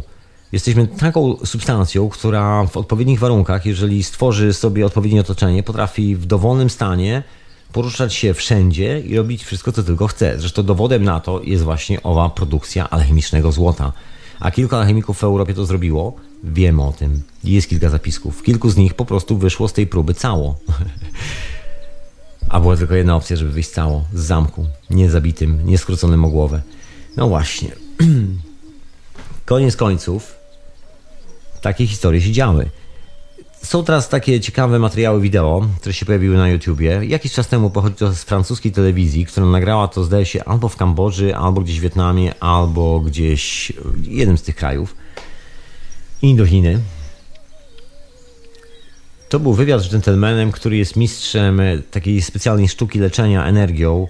My to nazywamy energią fantomową i ten gentleman na prośbę operatora kamery i dziennikarza zaprezentował rozpalanie ognia rękami z gazety. Wziął gazetę i rozpalił ogień rękami. Był w koszulce z krótkim rękawem i on robił takie rzeczy. Oczywiście później dostał potężną yy, taką nie wiem, można nazwać potężny taki opieprz od y, swoich mistrzów, że w ogóle pokazywał takie rzeczy i że w ogóle to nakręcono i musiał się wycofać i niestety nie, nie było żadnych badań naukowych na ten temat, bo on miał zostać podany jeszcze ekstra badaniom, żeby to uwiarygodnić i tak dalej, i tak ale został poproszony przez swoich mistrzów, właściwie zmuszony, że taką karę dostał, że nie może pokazywać takich mocy, bo się ludziom w głowie przewraca od tego i zamiast być dobrymi ludźmi, zamiast szukać dobrych spraw, to zaczynają szukać cudów po to, żeby jeden y, mógł zrobić krzywdę drugiemu. No takie troszkę krzywe podejście. Ja uważam, że to takie niewłaściwe, ale może coś w tym jest. Ale wracając do tej koncepcji jednego wymiaru, mówiąc w bardzo wielkim skrócie, jest troszkę tak, y, jak mawiał Wilhelm Reich, że tylko, że w, w sensie metaforycznym, że mając to fantomowe ciało dookoła siebie, przypuśćmy, że jesteśmy kulką, mamy skrupę dookoła tej kulki, to, to jest troszkę tak jak jajko. Jest żółtko, czyli my w tym jajku, to jest nasza fizyczność, jest białko, czyli ta nasza fajna niektórzy nazywają to etryczna historia dookoła, nasze ciało fantomowe dokładnie. Następnie mamy coś w rodzaju skrupki, element, który powoduje, że informacje są filtrowane, zanim dotrą do nas. Jakaś taka, tam, tam jest ta pierwsza interakcja. W jajku powstaje skrupka, dookoła nas powstaje jakieś pole, które jest niewidoczne, bo skrupki nie ma przecież, prawda? Ale jest jakieś pole, bo dookoła wszystkiego jest. Drzewo, jak zetniesz, widać dokładnie to samo, każda roślina i tak dalej. To jest natura stworzenia wszechświata, tak można to określić w każdej komórce i tak dalej. Przynajmniej w tym moim koncepcie. Jeżeli chodzi o układ, tak jak to się wszystko konstruuje. No i co dalej? Za tą skrupą od jajka. Za tą skrupą od jajka mamy pole niezmierzonej informacji. I teraz numer polega na tym, że jeżeli przełamiemy tą skrupę od, jaj od jajka, tą niewidoczną w naszym przypadku yy, taką osłonę grawitacyjną, to w tym momencie mamy dostęp do potężnej informacji. I wydaje mi się, że znamienita jeśli nie prawie wszystkie takie oryginalne szkoły filozoficzne, ale szkoły filozoficzne, a nie dotkryny religijne. Czyli na przykład buddyzm, bo buddyzm nie jest religią. Tam każdy jest tym wcieleniem Boga i każdy może nim zostać i cała ta historia polega na tym, że dostajesz pakiet informacji, co masz robić, żeby dostąpić po prostu bycia Bogiem. na tym polega cała historia, nic więcej, nic mniej. Niektórzy szukają w tym Boga. Nie wiadomo po co i skąd i gdzie. Ale to już inna historia. W każdym razie są takie systemy, które są niczym innym jak taką instrukcją, żeby dojść gdzieś do tego momentu, gdzieś na skraj tego momentu, jak najdalej i tak dalej, i tak dalej, i tak dalej. A to się okazuje, że, że mamy jeszcze inną opcję, taką alchemiczną i że to jest taka, no ciężko nazwać to drogą na skrót, jest to droga poprzez zrozumienie, nie poprzez wysiedzenie, ale bardziej właśnie zrozumienie tego, jak funkcjonuje cały kosmos dookoła nas. I jest to taka droga weryfikacji ja sobie tak myślę, że te sny, bo tak zauważam po swoich znajomych, to jest chyba może, być może taki pierwszy objaw czasów, które nadchodzą, że następuje takie weryfikowanie się dwóch mocy, które przez setki, tysiące lat były odcięte i nagle Ziemia ustawia się w innym miejscu i włączają się troszeczkę inne oddziaływania, przez co wszystko zaczyna krążyć bliżej siebie. No i numer polega na tym, że częścią tego krążenia jest znikanie tej osłonki, można powiedzieć, grawitacyjnej, tej skrupy jajka, w końcu pewnego dnia po prostu kurcza się wykluwa z tego jajka, nie?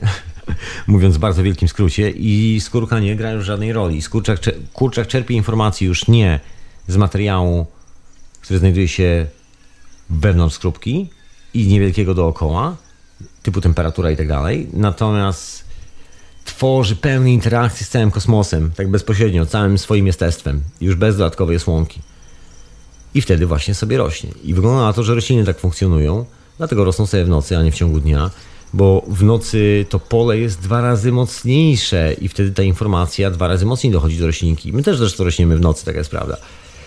No ciekawe zagadnienie, ciekawe. I to takie, można powiedzieć, gdyby się zastanowić, takie przaśne, takie dosyć mocno chłopski zdrowy rozum. Nie ma żadnej specjalnej nauki, żadnej specjalnej wiesz, wytycznej, krzywej algebraicznej, wzoru do przemielenia w głowie, który składa się z 30 kartek maszynopisu. Nic z tych rzeczy. Wszystko wydaje się być bardzo proste. Po prostu przeskakujesz bramę wymiaru i czasami ten moment przeskakiwania bramy wymiaru jest tym momentem, gdzie światy się nakładają na siebie. Być może właśnie to jest ten sen, to jest to wypuszczenie się na parę chwil, takie zaczerpnięcie powietrza i powrót z powrotem do odkrywania piękna tego świata. Bo moim zdaniem wszyscy jesteśmy tu z wyboru. Absolutnie.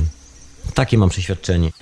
A ty słuchasz oczywiście, może najlepszej, której słyszałeś, hiperprzestrzeni w radionafali.com. Y, oprócz tego jeszcze transmitowanej w Radiu Paranormalium, pozdrawiam Pani Iliosie, i w Radiu Dreamtime u Grzegorza, zwanego Jubym.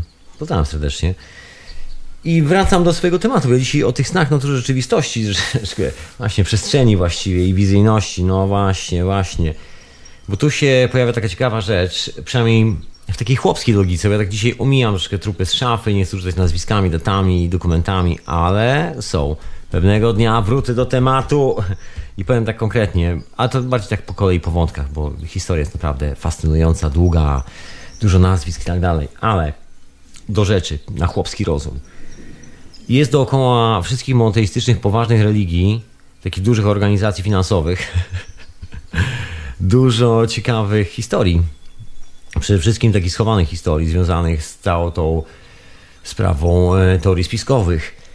I to najczęściej idealnie się pokrywa, z reguły pokrywa, to najczęściej jest związane dokładnie z esencją tego, w co właściwie wierzą owi papieże, w co wierzą ci ludzie, co tak naprawdę stoi za tym oficjalnym wizerunkiem, który jest sprzedawany wiernym. I z reguły okazuje się, że tam są jakieś, no w przypadku szaleńców z Watykanu, ktoś tam mówi, że diabelskie historie, demoniczne i tak dalej, no ale to wiadomo, że demonologia jest też wymysłem Watykanu w dużej mierze.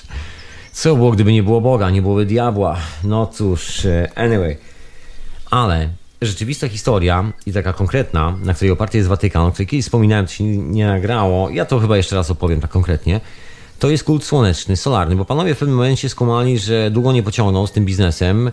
W momencie, kiedy człowiek odkrył, że jest drugi kontynent, okazało się też, że Ziemia nie jest płaska i kilka innych rzeczy i był problem właśnie, jak pociągniemy z tym biznesem dalej. Oczywiście wiadomo, że wszystkim wiernym się mówi, że Ziemia dalej jest płaska i no nie wiadomo co. Bóg odkrył kontynent e, z poganami dla nas, żebyśmy mogli ich e, nawrócić i tak dalej, i tak dalej. To niewolnicy, to psy. Wszystkie te teologiczne pomysły, w każdym razie to jeszcze przechodziło, przechodziło, ale już wtedy wiedzieli, że to długo nie potrwa. Także sami przestawili się na kult solarny. Domyślając się, jak się okazało, właściwie nikt z tych kolesi, ani masoni, ani Watykan, ani nikt inny, za bardzo nie kuma, o co w tym wszystkim chodzi. Oni tylko wiedzą, że należy powtarzać pewne rytuały, powtarzać pewne historie w pewnych cyklach i jest pewna szansa, że trzymając kciuki założone jeden za drugi, coś nam się w tym wszystkim uda. Uda nam się utrzymać władzę. Jak się okazuje, słabo się udaje. Wymaga to jakichś potężnych nakładów, takich nakładów, że ci ludzie już centralnie zwariowali, tworząc globalne wojny, globalne krachy finansowe, po to, żeby udowodnić sobie siłę swojej własnej racji, swojej własnej percepcji i koncepcji na świat pełne szaleństwo, prawda? Człowiek, który próbuje udowodnić sobie coś, niszcząc życie drugiemu człowiekowi, to trzeba być naprawdę mocno szurniętym po łbie. No ale jak się okazało, stało się częścią takiej, to można nazwać demonologią codziennego dnia, stosowaną, demono, demonologia stosowana w współczesnej cywilizacji, współczesnej religii, która nazywa się religią pieniądza. Są takie organizacje właśnie, które dają temu taki zapas teologiczny, że to, że to nie tylko pieniądz, że nawet jeżeli pieniądz, to Bóg błogosławi nasz pieniądz. Bóg jest naszym pieniądzem. I ci kolesie już y, jakieś 600-700 lat temu zaczęli przestawiać się na kult solarny, wiedząc, że długo nie pociągną na tym, co mieli wcześniej. Wiadomo, że nie mogą wrócić do księżycowego, bo wtedy efekt domina. Ktoś może odkryć wiedzę i się okaże, że są bandą dupków, która nie ma bladego pojęcia o niczym, poza tym, że są po prostu chciwą i zbrodniczą bandą dupków. Nic więcej. I wielu innych kolesi, bo te, bo te historie naprawdę nie dotyczą tylko i wyłącznie Watykanu. Dotyczą kręgów władzy, kręgów rodzin królewskich, wielu ludzi dookoła. Kręgi rodzin królewskich zwariowały do tego stopnia, że stwierdziły, że zatrzymają swoje linie rodowe, linie krwi w swoim własnym zakresie, myśląc, że w ten sposób będą zdobywali więcej informacji, że, że to ma większą rolę, że właśnie to jest ta informacja o tym, że ludzka krew jest bardzo ciekawą substancją, jest jedną z najbardziej potężnych substancji w historii kosmosu, można powiedzieć. Tak, tak, twoja i moja krew. Właśnie ta substancja ma bardzo, no co dużo mówić, przedziwne, cudowne właściwości to, co się dzieje tam z płynem, który się nazywa wodą, to, co się dzieje w ogóle z komórkami, w ogóle ludzka krew, uhu. Wielka zagadka do tej pory dla nauki, taka nawet oficjalnie. I potężny materiał. Jak ktoś widział zdjęcia, ja widziałem parę zdjęć zrobionych za pomocą fotografii kirianowskiej ludzkiej krwi. To to jest cios. To jest substancja, która jest tak promieniotwórcza, że to się w ogóle uch, w głowie nie mieści. W każdym razie oni zwariowali, stwierdzili, że oni są tak, tak po prostu naładowani, że będą się krzyżowali sami ze sobą, zapominając o tym, że informacja musi mieć dostęp do innej informacji, że jedną metodą na usunięcie sobie tej skrupki grawitacyjnej jest otwarcie się na inną informację, która tej skrupki nie posiada. Anyway, szaleństwo sięgnęło zenitu. Wymyślono pierwszą wojnę światową, żeby utrwalić standard ropy, drugą wojnę światową, żeby go jeszcze lepiej, że tak powiem, utrwalić. Kolejne wojny po drodze. W Iraku i Afganistanie to się dalej e, nie skończyło. Trwa chyba już chyba 15 rok idzie. Ta pokojowa inwazja na ropę. No i wiemy, że za tymi wszystkimi kolesiami czai się kult słoneczny. Mam obsesję na punkcie słonka. Wszystkie te cokoły, wszystkie te imprezy, które są robione specjalnie w cyklach przesileń słonecznych z różnymi planetami. Jeżeli ktoś jest astrologiem, to doskonale zdaje sobie z tego sprawę. Wszystkie te cykle ekonomiczne, krachy giełdowe, tak elegancko poustawiane, jak są przeloty dużych, ciężkich planet na niebie, tak żebyś się czuł dodatkowo skonfudowany troszeczkę, żeby, żeby może wrzucić i tobie, i mi na głowę takie poczucie winy, że to nasza wina, że ten pieniądz się nie sprawdzi, że to nasza wina, że to, że to my jesteśmy tacy ten, nie tego.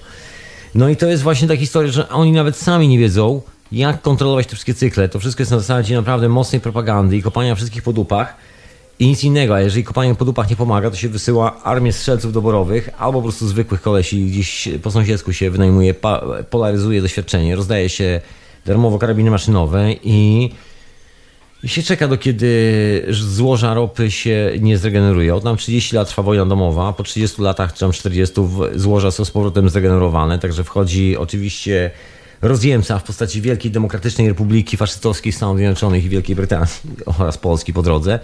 Taki korpus inżynieryjno-wojskowych poetów z karabinami. I oni tam stanowią teraz prawo i oczywiście ochraniają tylko wyłącznie za pomocą prywatnych firm wojskowych, które są na rządowych kontraktach. Instalacje typu kopalnie, szyby naftowe i na tym polega cały ten numer. Do tego się to wszystko sprowadziło. Właśnie. Czyli nie ma tam dalej odpowiedzi. Dalej trzeba dociskać, żeby znaleźć odpowiedź. Dalej nie ma kwintesencji, esencji życia. I każda próba znalezienia tej kwintesencji jest sekowana przez tych dżentelmenów z lewej i z prawej strony. To właściwie zrobiła się jedna i ta sama mafia, jeden i ten sam gang na świecie, który sobie wymyślił taki koncept, że ktoś jest niewolnikiem, a ktoś jest jego panem. A wiadomo z zasady, że panów musi być więcej niż niewolników, bo wtedy niewolników nie wystarcza. Także zrobiono z tego elitę. Nawet doszli do tego, że własną krew traktują jako elitarną substancję. Ale jak już jest jakaś choroba we krwi i w szpitalu, to już, e, to już byle, byle jakakolwiek, byle działała. Najczęściej. Wtedy już się nie przejmują swoją błękitną krwią. To też jest takie, no, co dużo mówić, pełne hipokryzji, bo biologia mówi jedno, a rzeczywistość mówi drugie, a teoria mówi trzecie. A zachowanie, a to już w ogóle nie wiem, czasami się zastanawiam, ile twarzy trzeba mieć, żeby służyć takie, taką ilość urojeń. W każdym razie doszliśmy do tej ilości urojeń, która jak się okazuje istnieje tylko i wyłącznie w tym bardzo wąskim e, zestawie grawitacyjnym, można powiedzieć, pod tą skrupką jajka. Tam, gdzie jest żółtko, tam, gdzie jest jajko. Dopóki jajko się, że tak powiem, nie zamieni w kurczaka, kto się nie wykluje z tego z, tej skrupki, z tego jajka, do tego momentu jesteśmy troszkę przygłupawi i no jest to związane właśnie z tym, myślę, czasami pojmowaniem wymiarów że do, do, tego momentu wydaje nam się czasami, że są różne wymiary, że przechodzimy przez wymiary, że, że to jest jakaś droga i tak dalej, i tak dalej. Natomiast być może z tej pełnej, permanentnej perspektywy całości, już dostępu do tej informacji, która powoduje, że troszkę inaczej obsługujemy świat, nie musimy koniecznie budować wielkiej fabryki czegoś, żeby wyprodukować to coś, bo możemy te same rzeczy zrobić za pomocą czegoś, co dawniej było nazwane alchemią, i tak dalej, i tak dalej. Nie chcę tu mnożyć tych wszystkich tajemniczych sztuczek, ale wiesz o czym mówię, o samochodach, które latają w powietrzu bezszelestnie, o, o deskorolce z powrotu do przyszłości. Rozumiesz, o czym mówię? O technologii, którą sobie robisz tam na stole i właściwie masz prąd z pudełka samodzielny, bez elektrowni. O wszystkich tych historiach. O tym, że możesz sobie lewitować nad ziemią. O tym, że w ogóle... Właściwie, jeżeli obsługujesz pełną informację, z której składa się kosmos, to wszystkie rzeczy fizyczne tutaj, tak dosłownie, wszelkie rzeczy fizyczne, które ci wejdą do łba, są absolutnie możliwe. Jeżeli chcesz mieć na przykład zamiast rąk macki jako ośmiornica, to też jest to możliwe. I na pewno jest na to sposób. Nie wiem jaki, ale na pewno jest na to sposób, bo jeżeli kosmos tworzy ośmiornicę, to na pewno ty jesteś w stanie stworzyć y, odpowiednią kombinację tych wszystkich pól dookoła siebie, żeby zamienić się w ośmiornicę. Być może tylko wyświetlić jako ośmiornica, bo tu jest y, ciekawa historia związana też z koncepcją hologramu, że to się nam wszystko wyświetla i niektórzy to w ten sposób traktują, że właściwie sterujesz tą percepcją hologramu. Całkiem możliwe, całkiem możliwe. Właściwie można powiedzieć, że właściwie jest to dokładnie ta sama historia, Aczkolwiek mi się wydaje, że jest to kwestia bardziej jednego pola. Po prostu jedno pole. I moment wkraczania w to pole jest zawsze tym momentem, e, można powiedzieć, dysonansów, czasami turbulencji. To troszkę jak wyla, e, wylatywanie z ziemskiej atmosfery. Tam znika połączenie pomiędzy bazą, jest Houston, Houston, wiesz, nic nie słychać, takie rzeczy. I nie ma sygnału, jest tylko nie mamy ich, zgubiliśmy sygnał. Jest taki moment, kiedy gubimy sygnał, to wtedy, wtedy przeskakujemy przez bardzo dziwne rzeczy. I być może wtedy nam się tak przestawia trochę, że ta informacja dociera w takim, z jednej strony niby metaforycznym, ale z drugiej strony nie do końca, bo ten metaforyczny pomysł na informację, jeżeli na przykład kumasz, co ci się śni i kumasz, na czym polega twoje życie, to się okazuje, że no mało w tym czasami metafor. Przynajmniej w moim przypadku praktycznie żadne tam metafory. To jest zdecydowanie, cokolwiek by nie mówić, rzeczywistość i to taka, która się dzieje tu i teraz. Czasami z poślizgiem trzydniowym. Także z tym czasem, z tą informacją, może ja po prostu wyskakuję do tego wymiaru i to jest jeden wymiar. Z tej perspektywy wydaje nam się, że jesteśmy rybą w wodzie, bo na przykład załamanie przestrzeni powoduje, że widzimy się podobnie jak widzi się ryba. Może tak być. Chociaż w rzeczywistości jesteśmy tylko projekcją tego, czym chcemy być w owej wodzie. I kiedy tylko zmienimy środowisko, jeżeli utrzymamy pewne standardy tego środowiska dookoła siebie, czyli na przykład potrafimy utrzymać to, co daje nam w przypadku ryby pod wodą woda dookoła, to utrzymamy to bez posiadania tego całego oceanu, to właściwie po, po, y, możemy w stanie ryby być wszędzie. Uff, ale pojechałem. W stanie ryby być wszędzie. Radionafali.com, tego właśnie słuchasz. To się nazywa Hiperprzestrzeń. Ja na imię Tomek. I czas najwyższy powoli dojechać do samego końca. Ja to mam taką refleksję w ogóle na koniec. Właśnie poniekąd związaną. Jest to jedna z takich obserwacji właśnie związanych z tym jednym wymiarem. Jedny, jeden wymiar, jedna przestrzeń. Że jak ją przekraczamy, to lądujemy w polu informacji, takiej permanentnej, totalnej informacji. I to każdy z nas. I być może to jest ten numer, który odpowiada za to, że kiedy się spotykamy, nawet jeżeli się nie znamy od lat, czasami tak jest, często tak jest, bardzo często tak jest, jeżeli spotkasz kogoś, mi się tak zdarza bardzo często, nie znam człowieka, nigdy nie znałem, pierwszy raz go poznałem, ale mam wrażenie, jakbym znał go od lat. I wszystko dokładnie jest tak, jakbym znał go od lat. I nie ma problemów. I to jest fenomen.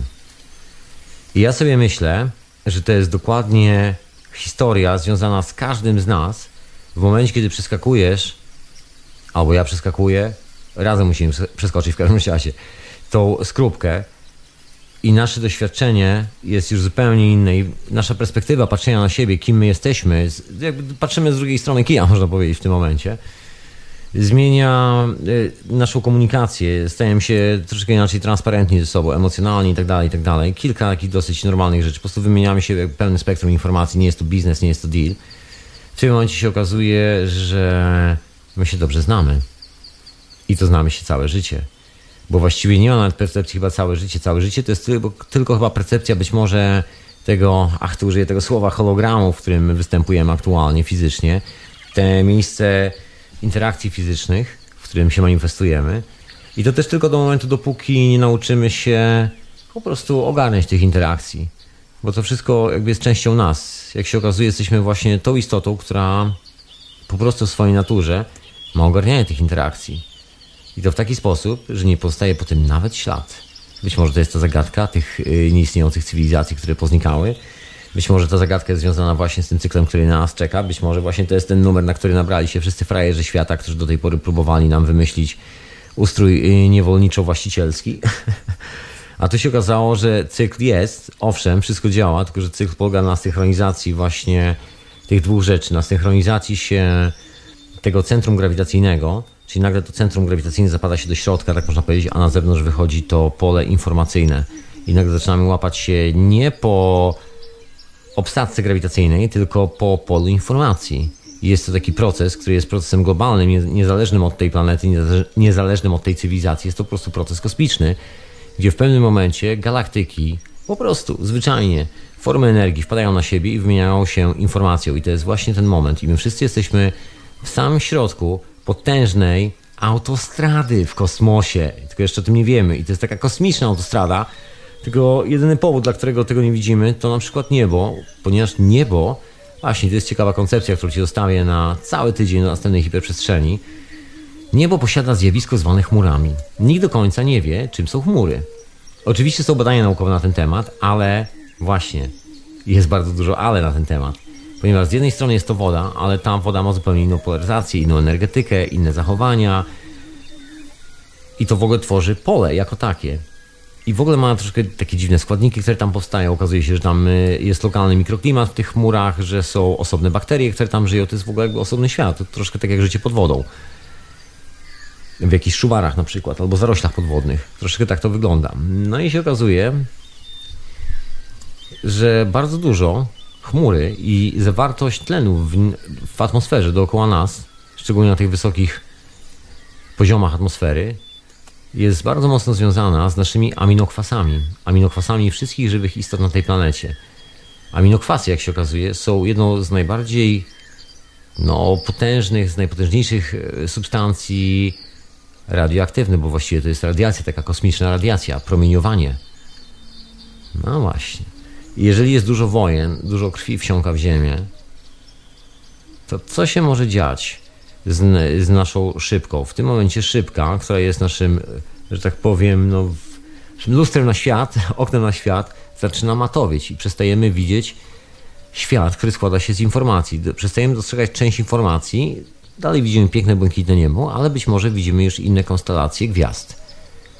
Dlatego być może na starych rysunkach są rysowane inne konstelacje gwiazd. A kiedy tej krwi znika z aminokwasów, nie ma jej w chmurach, nie ma tej rzeźni w chmurach, bo to wszystko są związki chemiczne parujące z naszego potu, z naszej krwi, ze zwierząt, z roślin, z całej planety. No i te interakcje pomiędzy nimi, to jest cała ta kombinacja, co mamy we krwi, co w ogóle ma cywilizacja jako taka, w ogóle ma planeta do zaoferowania. Trochę tak wygląda. No i kiedy zmienia się kompozycja aminokwasów, czyli zmienia się kompozycja chmur, nagle niebo staje się troszeczkę inaczej przejrzyste. Zauważamy rzeczy, których wcześniej nie widzieliśmy. Być może to jest ten numer, kiedy kosmonauci przekraczają atmosferę Ziemi. Nagle niebo zaczyna wyglądać zupełnie inaczej. Wystarczy tylko przekroczyć tą barierę aminokwasów. Być może. Kto to wie? I z tym konceptem zostawiam Cię człowieku w głowie. Także dzięki za wysłuchanie hiperprzestrzeni kolejnego odcinka w Radio na Fali. Jeszcze raz dziękuję tutaj Radio Paranormalium, które umieszcza u siebie na stronie w archiwum i dziękuję Grzegorzowi Ubemu, który umieszcza w necie na swojej stronie linki i tak dalej do ściągania audycji. Pisem panowie, wielkie dzięki. I dziękuję wielce mecenasom Radio na Fali, którzy pomimo tych trudności z serwerami wspierają radio. Także dzięki Ci dziewczyno i dzięki Ci chłopaku za wspieranie Radio na Fali finansowo. Adres jak zwykle znasz, po prostu wchodzisz radionafali.com, wspieraj RNF i tam są wszelkie możliwe informacje na ten temat. Jeżeli chcesz dorzucić swój bilans z Babilonu do funkcjonowania radia, ja będę z góry wdzięczny i bardzo wielce Ci dziękuję. I dziękuję serdecznie wszystkim tym, którzy sobie ściągają i sobie słuchają tam gdzieś po drodze, jeżdżąc samochodami, nie tylko w długich trasach. Mam nadzieję, że się miło słucha i że jest ciekawy pomysł do rozważania, kiedy droga Mija twój widok z okna. Co ja powiedziałem w ogóle? Droga mija twój widok z okna. O oh man, ja powiem kończyć tę audycję człowieku, także pozdrawiam ciebie słuchający offline i, cie, i ciebie też. I do usłyszenia następnym razem i przypominam moich zacnych kolegach, o księciu Edwardzie, który ostatnio nadał pierwszą audycję Radio na Fali prosto z Brazylii, z Rio de Janeiro. Także Radio na Fali nadaje absolutnie live, czasami z Rio de Janeiro, jak się okazuje. On jest tam specjalną misją, która się nazywa CO2. To zapraszam Cię w środę na godzinę 22 po, po, 23 polskiego czasu. No i zapraszam Cię oczywiście na czwartek do siebie na keszyzmy, czyli technologię cache o godzinie 22.30 polskiego czasu i zapraszam do Teorii Chaosu w piątek na godzinę 24 polskiego czasu i za tydzień do siebie, do hiperprzestrzeni. I wpadnij czasami na profil facebookowy Radio na Fire, tam rzadko kiedy zaglądam, bo ostatnio spędzam dużo czasu w warsztacie i bardzo mało siedzę przy komputerze. Nie mam czasu, z ludźmi siedzę. Uczę ich robić kilka rzeczy. Tak, tak mi czas przycieka przez palce. I powstają piękne rzeczy, ci powiem. Anyway, także daj mi chwilę, ale tam sobie zaglądaj. Ja tam coś sobie wrzucę. Coś wrzucę jakąś informację. Na stronę niedługo wrzucę wszystkie linki do tych miejsc, gdzie można uderzyć, sobie pościągać zaległe audycje. Także chwila, moment. Daj mi, daj mi sekundę, żebym dotarł do komputera. Także dzięki wielkie. Pisem na człowieku. Miłego, miłej niedzieli, bo dzisiaj jeszcze jest sobota, także miłej niedzieli człowieku i jak kończysz słuchać i pisem I do usłyszenia następnym razem. Słuchałeś hiperprzestrzeni w radionafali.com.